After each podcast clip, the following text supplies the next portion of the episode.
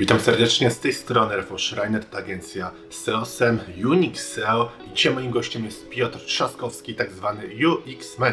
On i jego team zajmują się zawodowo UX, UI design, czyli tym, żeby nam było prościej, łatwiej i lepiej wizualnie poruszać się po świecie aplikacji, stron czy sklepów e-commerce. Porozmawiamy o tym, jak dobry UX i UI mogą podnieść konwersję nie tylko w sklepie, ale także dla firmy usługowej i jak wycisnąć więcej z każdej osoby, która odwiedza Twój biznes online czy aplikację. Zapraszam serdecznie na ten odcinek.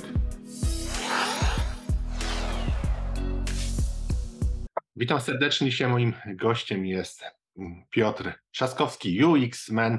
Witaj Piotr. Cześć, dziękuję, miło mi. Na wstępie, na rozgrzewkę pytanie, czym się różni UX od UI? No powiem Ci, że te terminy bywają mylone, a nieraz używa się ich łącznie. Na przykład mówi się, że jest UX UI designer, ale rozróżniamy to tak, że UX designer to jest specjalista od projektowania doświadczenia użytkownika. Taka osoba myśli o całokształcie aplikacji lub strony internetowej, przede wszystkim pod kątem e, celów biznesowych e, samego klienta, który tworzy dane rozwiązanie, albo użytkownika. Czyli i mhm. użytkownik, i cele biznesowe muszą być tutaj uwzględnione użytkownik musi por móc poruszać się po aplikacji, po stronie lub sklepie tak, żeby móc osiągnąć swoje cele, a w momencie, kiedy użytkownik hmm. osiąga swoje cele, to także są spełnione te kwestie biznesowe dla, dajmy na to, właściciela sklepu, bo po prostu użytkownik bez problemu porusza się po nim, e, wyszukuje towarów, e, kupuje. Jeżeli jest to dobrze zaprojektowane, to też e, wróci i kupi jeszcze raz. A ja tak najczęściej nazywam UX designera architektem od aplikacji, co też widać na moim tle. Okay. Ponieważ jest to mhm. taka osoba tak samo jak architekt, czyli ona się skupia na zaprojektowaniu danego rozwiązania, ale go nie koduje, nie buduje go, nie jest programistą. Mhm. Tak samo jak architekt nie buduje własnymi rękami budowli, tylko ją projektuje. To, to tyle o UX designerze. Ponieważ tym się specjalizuję, to się trochę mhm. rozgadałem. Natomiast o UI designerze to trochę mniej powiem jest to taka osoba, y, która nastawia się na projektowanie z nastawieniem na estetykę i spójność interfejsu. Y, często mhm. taki UI designer może się pojawić w procesie, jeżeli mamy do czynienia z większymi produktami, bo mhm. UX designer buduje tą y, koncepcję, a UI mhm. designer zajmuje się tymi detalami, czyli żeby to było odpicowane, żeby to było według jakichś standardów, które ma firma.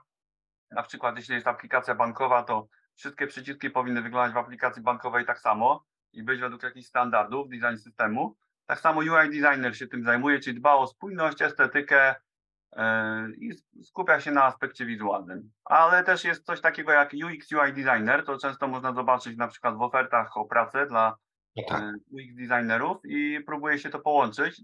Jest to częsta praktyka, że UX UI designer projektuje i koncepcję, i jeszcze potem grafikę i to trafia do programisty szczególnie w mhm. firmach małych i średnich, ale idzie to w tą stronę, że te specjalizacje zaczynają się dzielić. Czyli im, im, okay. im ktoś jest no, lepszy, znaczy e, im są produkty większe, tym bardziej mamy UX designerów i UI designerów rozdzielonych, o tak. Okej, okay, to mniej więcej rozumiem. Na początkowym etapie UX UI to jest e, traktowane jako jedna posada, a na większych tak. projektach zaawansowanych to jest rozdzielone na dwa. Tak jest. Okej, okay, dobrze. Takie pytanie, które też często widzę, e, osoby mówią, że UX designer to jest grafik. Prawda czy nieprawda? E, no nie do końca. E, ja to rozdzielam okay. tak. Jak mamy grafika, grafik się skupia mhm. na materiałach wizualnych, logo, materiały marketingowe, banery, materiały do druku. Z kolei mhm. designer skupia się na sklepach, stronach, aplikacjach, oprogramowaniu. Ma też nieraz takie zadania stricte researchowe lub e, takie mhm. nieraz też analityczne, chociaż ja osobiście się raczej tym nie zajmuję, bo mam bardziej taki humanistyczny umysł, ale mhm. jeden i drugi to jest inna specjalizacja i tak jak wspomnieliśmy sobie, że jest coś takiego jak UX UI designer, no to na niższym mhm. poziomie, na jeszcze mniej skomplikowanych produktach potrafi być tak, że nie ma UX designera w procesie, a jest grafik, który jest też pełni poniekąd tą rolę UX designera, więc na przykład jeżeli grafik projektuje stronę internetową, no to robi całość, i poniekąd już mhm. tą wiedzę UX-ową wykorzystuje. Tak jakbyśmy chcieli jeszcze do niższych poziomów schodzić, do jeszcze mniej skomplikowanych okay. produktów o e, mniejszych budżetach, to na przykład programista potrafi zrobić całą stronę internetową i ją zaprojektować i wdrożyć, prawda? Ale mhm. im są te projekty bardziej skomplikowane, tym bardziej to się dzieje na specjalizację. Często jest tak, że jak programista ma zaprojektować stronę, to później jest dużo zastrzeżeń co Tak. do samego wyglądu. No, wiadomo, i, i, inaczej programista, programista zrobił tak, żeby jemu było najprościej i w miarę estetycznie, a y, UX Mhm. designer zrobił tak, żeby było najpierw estetycznie, a później ewentualnie, Tak. żeby było prościej. E, Wiesz co, ja jeszcze tylko może rozdzielę taka główna różnica, jaka jest między grafikiem a UX designerem, choć obaj mogą Mhm. robić to samo. Mhm. Chociaż UX designer jak najbardziej powinien logo projektować, czy, czy jakichś banerków. E, Różni Mhm. się to tym, że grafik myśli bardziej kreatywnie, a UX designer bardziej funkcjonalnie. UX designer skupia się na tym aspekcie biznesowym i aspekcie użytkownika, a grafik Mhm. bardziej na tym, żeby to było ładne. I fajną praktyką jest, kiedy UX designer najpierw zaprojektuje, a potem grafik, który może się też nazywać UI designerem, yy, oscyluje to, zrobi z tego dzieło sztuki. Okej. Em, A w, teraz takie pytanie biznesowe. Jakie są najczęstsze zastosowania właśnie UX-u, jeśli Mhm. chodzi o biznes? Czy on może bardziej pomaga w usługach, czy w e-commerce? Jak ty to widzisz od strony praktyka i od, od po prostu od strony, że kontaktujesz się z firmami? Jak to, jak to jest w portfolio? twoim? No, no to jest właśnie dobre pytanie. Szczerze mówiąc, zanim zacząłem prowadzić własną agencję, to myślałem trochę inaczej, ale teraz widzę, jak to się rozwijało biznes. W biznesie największa potrzeba jest wtedy, kiedy powstaje jakiś innowacyjny produkt, jakaś na przykład aplikacja, której nie ma jeszcze na rynku.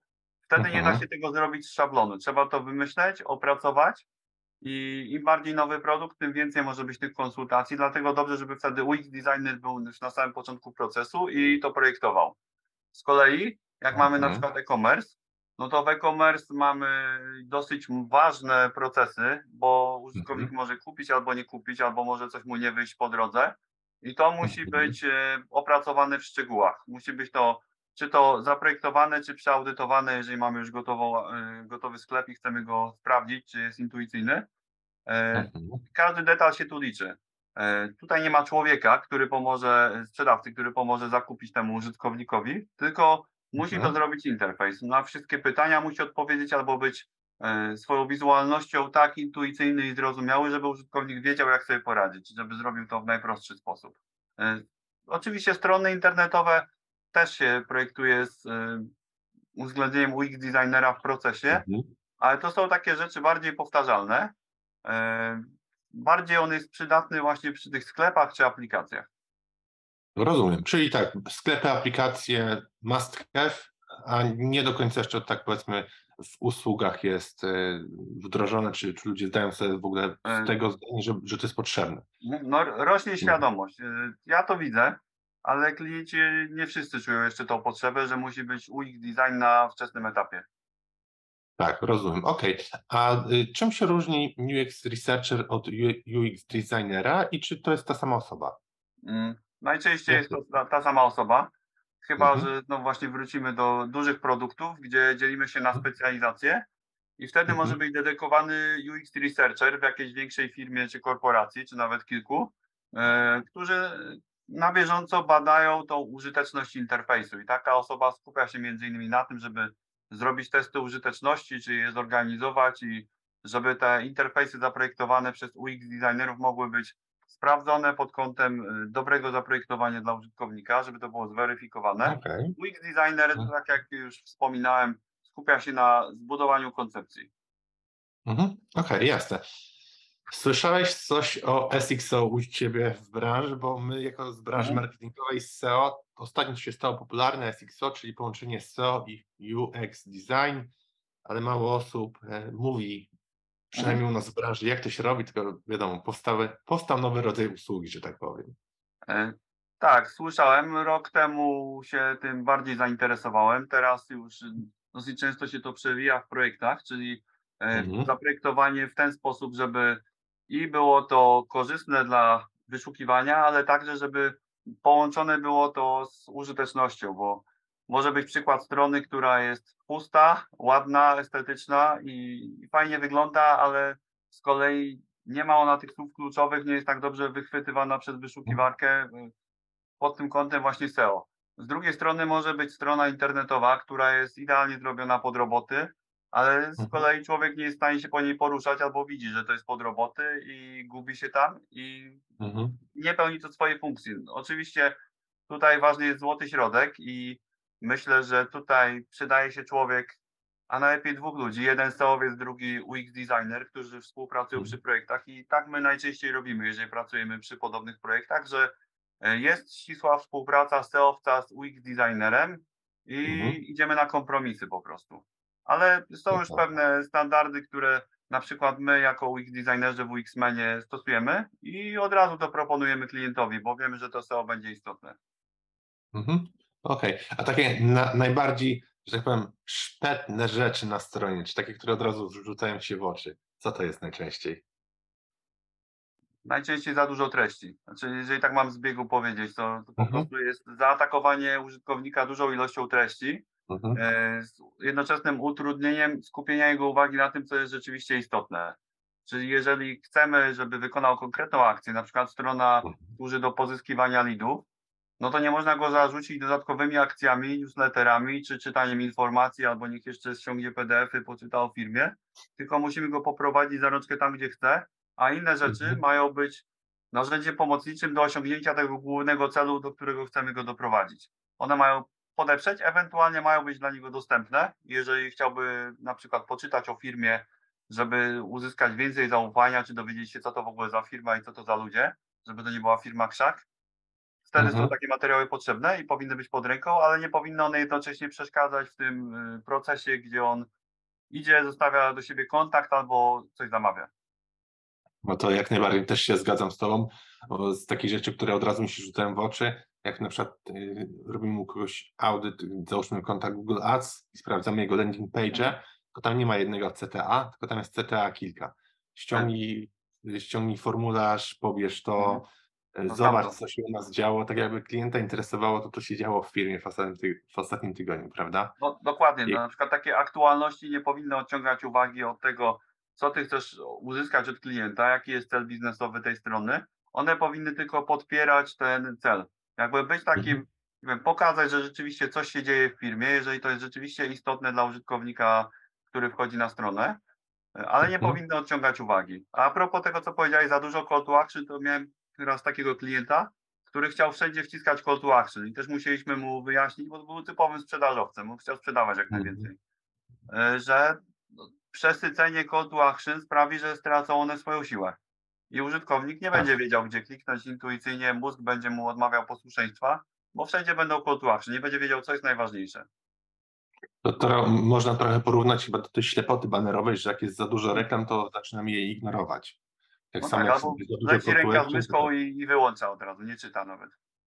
Tak, o to, to, to fakt. Jak coś jest zbyt namolne, źle zaprojektowane, Tak. to, to jest taki odruch nas wszystkich w internecie. No, Mm, dokładnie, Powiedz tak, powiedz mi trochę coś o audytach UX. Na co tam się w ogóle zwraca uwagę? Czy, czy, czy one mają jakiś swój jeden szablon, czy to jest robione pod projekt? Co tam się w ogóle sprawdza? E, No, my robimy audyty w ten sposób, że doświadczony UX designer analizuje ścieżki użytkownika, które są wybrane razem z klientem e, pod Mhm. konkretne cele biznesowe. Najpierw sobie to ustalamy, po co jest ten audyt i e, Mhm. jak chcemy to sprawdzić i co chcemy, co chcemy przede wszystkim sprawdzić. Może to być zwiększenie sprzedaży, więcej lidów ze strony internetowej, bardziej przyjazna aplikacja, dzięki czemu użytkownik e, doceni produkt na tyle, że na przykład będzie chciał zostać, zapłacić i płacić abonament. Mhm. E, Ustalamy sobie takie cele, a potem UX designer jakby wchodzi w rolę użytkownika i przechodzi Tak. przez dane ekrany, żeby sprawdzić, jak to wszystko wygląda. I notuje wybrane kwestie, które są kosmetyczne, średnie czy krytyczne do poprawy. E, Raportuje Mhm. to, spisuje to w raporcie, robi zrzuty z ekranu, ale także daje sugestie, jak należałoby to poprawić, żeby to było zrobione dobrze. Tak, żeby klient mógł po zrobieniu takiego audytu dostać e, Mhm. pełen raport z wytycznymi, co należy poprawić. I my to robimy na przykład w wersji i na telefon, i na stronę internetową, żeby Mhm. sprawdzić i tu, i tu, czy rzeczywiście wszystko działa. Bo nieraz się może zdarzyć, że na stronie internetowej wszystko wygląda ok, ale na telefonie wszystko się na przykład rozjeżdża, albo nawet jeden Mhm. detal gdzieś tam się zgubi. Może być, że na przykład zgubił się przycisk, który służy do kupowania. No i wtedy to jest tragedia, bo okazuje się, że sklep nie sprzedaje dużej części użytkowników, bo na przykład dajmy na to 50% użytkowników jest użytkownikami mobilnymi i oni nie mogą kupić.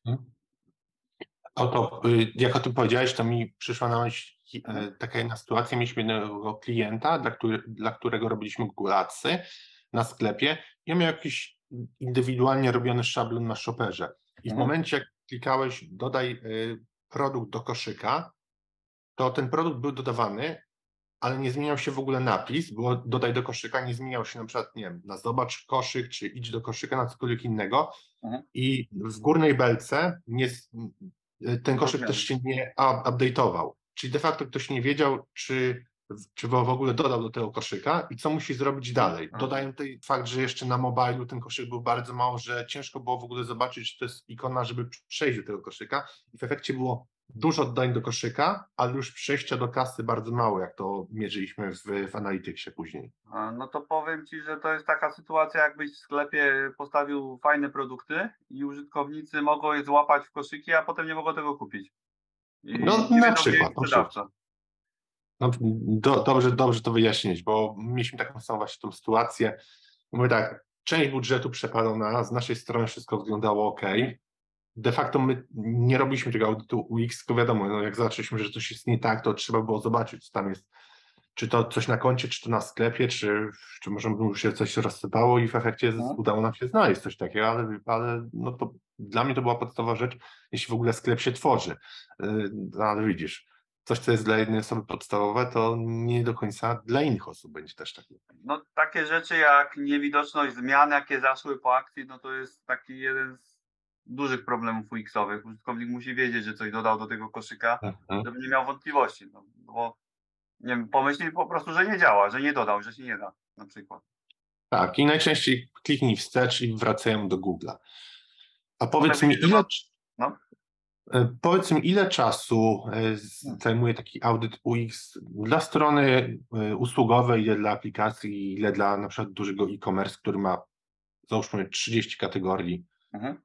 U nas trwa to w zależności od wielkości projektu od 5 do 15 dni. Jeżeli to jest taki rozległy Mhm. audyt dla dużej strony, która ma dużo podstron, no to bliżej tej górnej granicy, a jeżeli to jest prosta strona, no to bliżej tej dolnej. No tak, wszystko przeklikać, zobaczyć jak działa, sprawdzić funkcjonalność. No, wydaje się, że poklikać każdy może, ale ile to czasu trzeba później na analizę poświęcić i żeby wszystko rzeczywiście e, przejrzeć. Mhm. No, to, jest, to jest sporo. Okej, a powiedz mi, Mhm. czy są jakieś umiejętności, które na początku powinien od razu umieć dobry UX bądź UI designer, czy praktycznie wszystkiego można się nauczyć? Mhm. Trzeba mieć jakiś background z innych No są branż. pewne cechy, które się przydają, czy umiejętności, Mhm. na przykład umiejętność wczucia się w rolę użytkownika.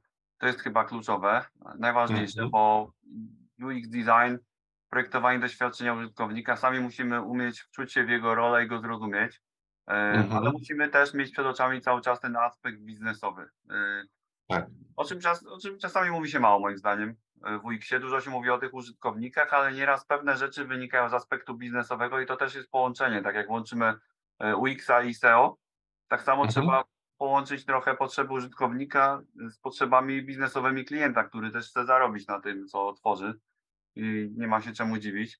E, Z drugiej strony trzeba też rozumieć technologię, specyfikę produktu, który się projektuje, jak to będzie Mhm. zbudowane, jak to będzie działało. Jeżeli to są jakieś szablony, dajmy na to z WordPressa, czy z WooCommerce, czy z Magento, no to też mniej więcej wiedzieć, na jakich szablonach to jest zrobione, żeby móc też zrobić ten kompromis, dostosować te potrzeby UX-owe użytkownika do danej technologii.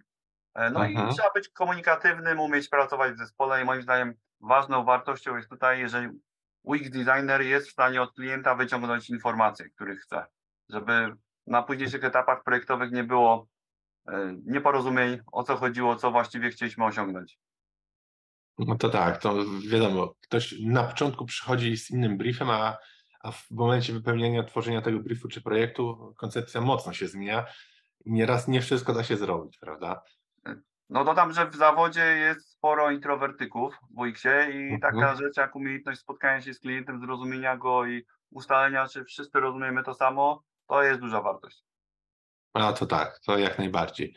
A czy sam UX jest w ogóle trudny do nauki i jak w ogóle tego się uczy, jak ktoś by chciał nie, w przyszłości zostać taką osobą? Mm, Powiem tak, ja się uczyłem 3 lata i mi to zajęło długo. Z tego względu, Mhm. że było dużo materiałów w internecie, dużo e, w książkach. E, Niektóre informacje były sprzeczne, co w zasadzie trzeba umieć, żeby być tym UX Mhm. designerem. E, Jak się czytało rozmowy o pracę, e, znaczy oferty o pracę, to tam były też Mhm. różne wymagania. I nieraz to się łączyło też z programowaniem czy z grafiką. Ja Mhm. osobiście na początku miałem duży problem, żeby się tego nauczyć. Myślałem, że jest tego bardzo dużo, bo wszędzie wymagali czegoś. I Mhm. Dodatkowych rzeczy. tak, yy, i ta wiedza rzeczywiście jest spora, ale trzeba umieć to złapać w jedno i się wyspecjalizować. I jest też dużo narzędzi w ogóle do projektowania, też trzeba wiedzieć, które. Aha. Yy, Także moim zdaniem najszybciej można się nauczyć na zasadzie mentoringu. Jeżeli mamy doświadczonego Mhm. UX designera, który zna ten świat i wie, jak wygląda realna praca z klientem, no to jest w ogóle Mhm. super. Jeżeli mamy taką osobę, która już pracuje w zawodzie, jest w stanie nam przekazać wiedzę. I Mhm. Tak. e, druga sprawa, robić realne projekty. Bo tak się nauczymy, e, jak się projektuje w praktyce. Bo można zaprojektować aplikację wymyśloną przez samego siebie, tak jak sam kiedyś też robiłem. Na przykład wymyśliłem aplikację do kupowania biletów, chociaż Mhm. nie zważając wow. na to wtedy, że przy okazji są lepsze aplikacje do kupowania biletów, to po co ja projektuję taką aplikację? No bo chciałem się nauczyć. No tak. E, najlepiej jest albo zrobić dla kogoś nawet za darmo projekt i się tego nauczyć, albo mieć udział w projektach jakiejś firmy, na przykład na stażu, e, Mhm. Żeby mieć jak najwięcej praktyki, gromadzić portfolio, które jest realne, po prostu ma przełożenie na rynek i biznes, bo czym innym jest idealne zaprojektowanie dla użytkownika, czym innym też zderzenie tego na przykład z SEO, e, czy z potrzebami biznesowymi, czy jeszcze z jakimiś ograniczeniami technologicznymi i zaprojektowanie Mhm. czegoś, co po prostu jest niewdrażalne i biznesowo niewydajne. Co można Mhm. w dużej mierze znaleźć w różnych portfoliach internetowych e, grafików. Jeżeli wejdziemy sobie na takie serwisy jak Behance czy Dribble, dużo jest projektów, które są ładne, ale one po prostu nie mają przełożenia na biznes. Więc e, żeby to spiąć klamrą, e, najlepszy jest mentoring i robienie realnych projektów. Okej, czyli doświadczenie i uczenie się przez doświadczenia od osób, które już powiedzmy w tym biznesie Tak. są już od jakiegoś dłuższego czasu. Okej, a co byś polecił osobom, które chciałyby w ogóle tak na początku wprowadzić pewne zasady UX w życie? Czy, Mhm. czy jest coś, y, te takie na przykład podstawowe kroki, nie wiem, może heurystyki nisynowskie albo coś innego, nawet prostszego, co Mhm. osoby mogłyby zrobić? Moim zdaniem najprościej jest zawsze mieć w centrum użytkownika, zawsze zastanawiać Mhm. się, y, wchodząc w jego rolę, na przykład wchodząc na własną stronę internetową, co mój użytkownik by pomyślał, czego on szuka Mhm. i co zrobi w tym momencie. W związku z tym, jakie ma przekonania. Można na przykład zrobić sobie personę użytkownika dla swojej firmy Rozumiem. i co ta persona będzie poszukiwała, jak najbardziej wczuć się w jej rolę. Y, To jest taka pierwsza rzecz. Druga, którą mogę podać, która też by była fajna, to less is more, czyli y, im mniej, tym więcej. Y, Mhm. Jeżeli mamy jakiś produkt już istniejący, to warto jest skupić uwagę użytkownika na tych kluczowych aspektach. E, Nie wywalać właśnie wszystkiego na wierzch, 10 przycisków, które robią różne rzeczy. Nie pokazywać mu wszystkiego, tylko pokazać to, co mógłby chcieć zobaczyć. E, Taka strona internetowa na przykład jest jak elevator pitch, e, taki biznesowy, e, 30-sekundowy. Ona musi pokazać, jaka jest wartość i dać tą wartość, żeby użytkownik mógł wejść i ją dostrzec. Jeżeli będzie chciał się zagłębić, to może być jakiś case study w innej podstronie, żeby poczytać historyjki, jak firma realnie pomaga, czy jakieś informacje budujące wiarygodność. Ale skupiłbym się na ograniczeniu ilości informacji do tych, które są najważniejsze, mniej ważne. y, Trochę ściągnąć z pola widzenia, ale dać do nich dostępność. No, Mhm. Może takie rzeczy. Ewentualnie jeszcze patrzenie na to, czy strona jest funkcjonalna na telefonie. To też jest zawsze warto sprawdzić. A tak, to z doświadczenia mogę powiedzieć, że o tym się często zapomina, bo wszyscy i tak wykonują strony internetowe na komputerze, więc de facto podglądają zmiany na komputerze, a nie patrzą, jak to Tak. się później składa na telefonie. To tak, to jest rzecz, A najlepiej trzeba- zaczynać od telefonu. To byłaby najlepsza praktyka, zaczynać projektowanie swojej strony od telefonu, a potem na Mhm. stronie to już zmieścimy ten cały interfejs. No, to, to tak, tylko w drugą stronę jest to. No. Tak, no. Później na telefonie, żeby to zmieścić. Kiedyś był taki fajny obrazek, że e, nie wiem, czy ład, ładnie to opowiem. Była taka szklanka duża, która była Mhm. wypełniona wodą. Potem jak chcieliśmy ją odmniejszyć, nalać tą samą wodę, no to już się Mhm. wylewało. E, Więc projektując mobile first, zaczynając od telefonu, mamy wypełnioną szklankę, ten tak zwany telefon, a potem bez problemu rozmieścimy tą wodę w większej szklance. No nie wiem, czy dobra jest analogia. czy Znaczy, poprawna. ja rozumiem w 100%, że przelejemy na przykład szklankę wody do akwarium, a z akwarium do szklanki wody jest ciężko. Tak. Nie da rady. No dokładnie. Nie da rady tak tego zrobić. Dobrze. A powiedz mi tak, jakie trendy obserwujesz w UX na najbliższe lata? Co się będzie zmieniać? Bo tak jak spojrzymy na strony internetowe, które jeszcze, ja nie mówię 20 lat temu, bo to, to była masakra, ale jeśli spojrzymy na to, co było 10 lat temu, a teraz, Mhm. no to jest różnica olbrzymia. Naprawdę, to jest dzień a noc. A powiedz, Więc y, jakie największe zmiany zauważyłeś, jak już o tym mówisz? A, a Pierwsze może- co, jak się, jak się wchodzi na strony internetowe, to, to często mm, nie ma tych bloków tekstu. Mhm. I nie ma też, y, zauważyłem ostatnio, że nie ma też dużych, ciężkich slajderów. Slajdery obserwuję jeszcze w e-commerce'ach, wiadomo. Tam Mhm. na, na pierwszej stronie przewijają się różne oferty, więc one po prostu muszą być. Obecnie widzą, że strony internetowe są coraz bardziej takie czyste, e, proste.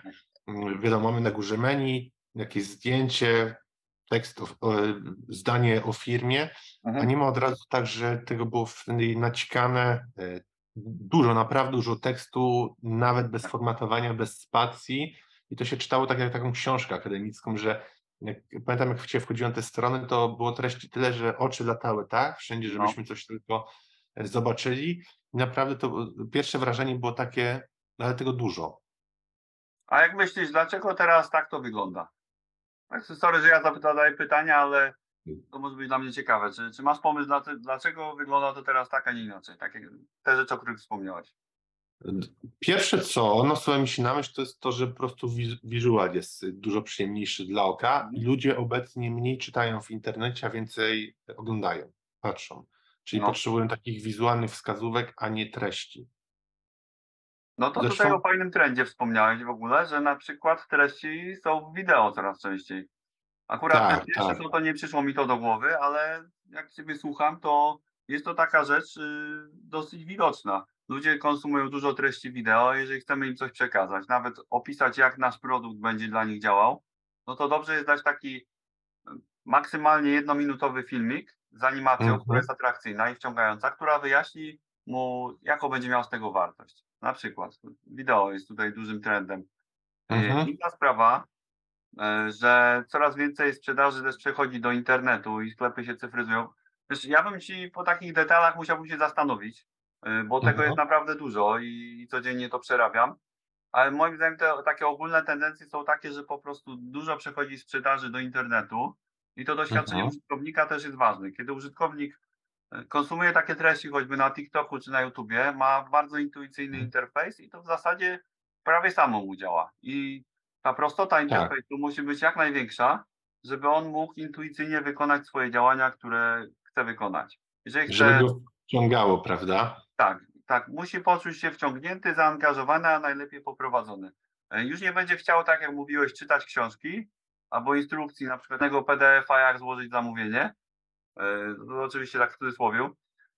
E, Będzie potrzebował być poprowadzony za rękę, wy- wypełniać jak najmniej formularzy i z jak największą przyjemnością produkt, który chce kupić, znaleźć i zakupić i zapłacić. I w związku z tym też rośnie zapotrzebowanie na UX designerów, bo świadomość tego jest coraz większa. Produkty Mhm. w internecie pełnią rolę takich trochę wirtualnych sprzedawców, którzy Mhm. mają właśnie za rękę prowadzić użytkownika.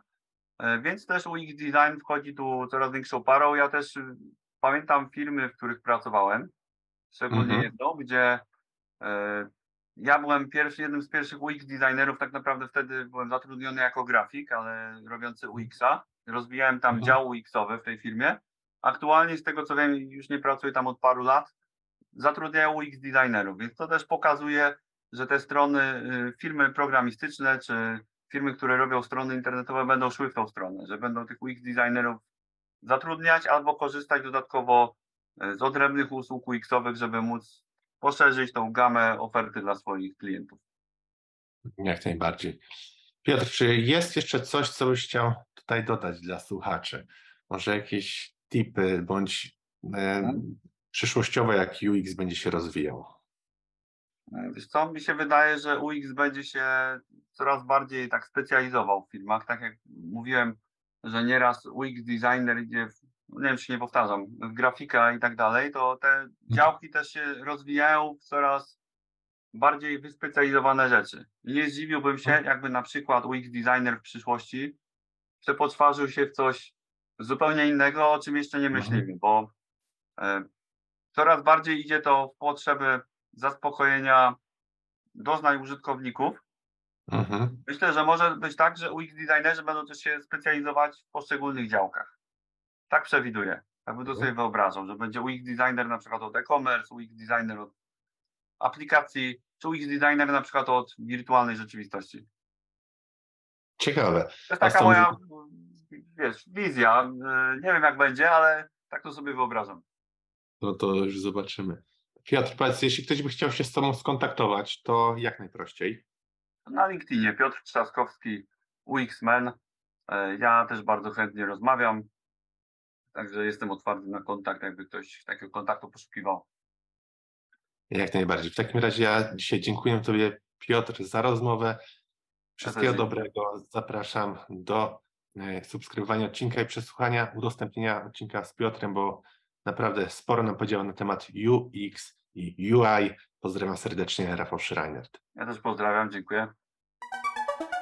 Gotowy rozwinąć swój biznes z Unix SEO? Przyśpiesz i wrzuć wyższy bieg. Bez znaczenia, czy prowadzisz duży e-commerce, czy lokalną firmę usługową. Za pomocą Google Ads, kampanii social media, w tym Facebook, LinkedIn, TikTok, Instagram i innych, a także pozycjonując organicznie w wyszukiwarkach, Unix SEO jest w stanie regularnie dowozić Tobie nowych klientów. Podejmij współpracę z najlepszym partnerem już teraz. Wejdź na unixseo.pl i wypełnij formularz.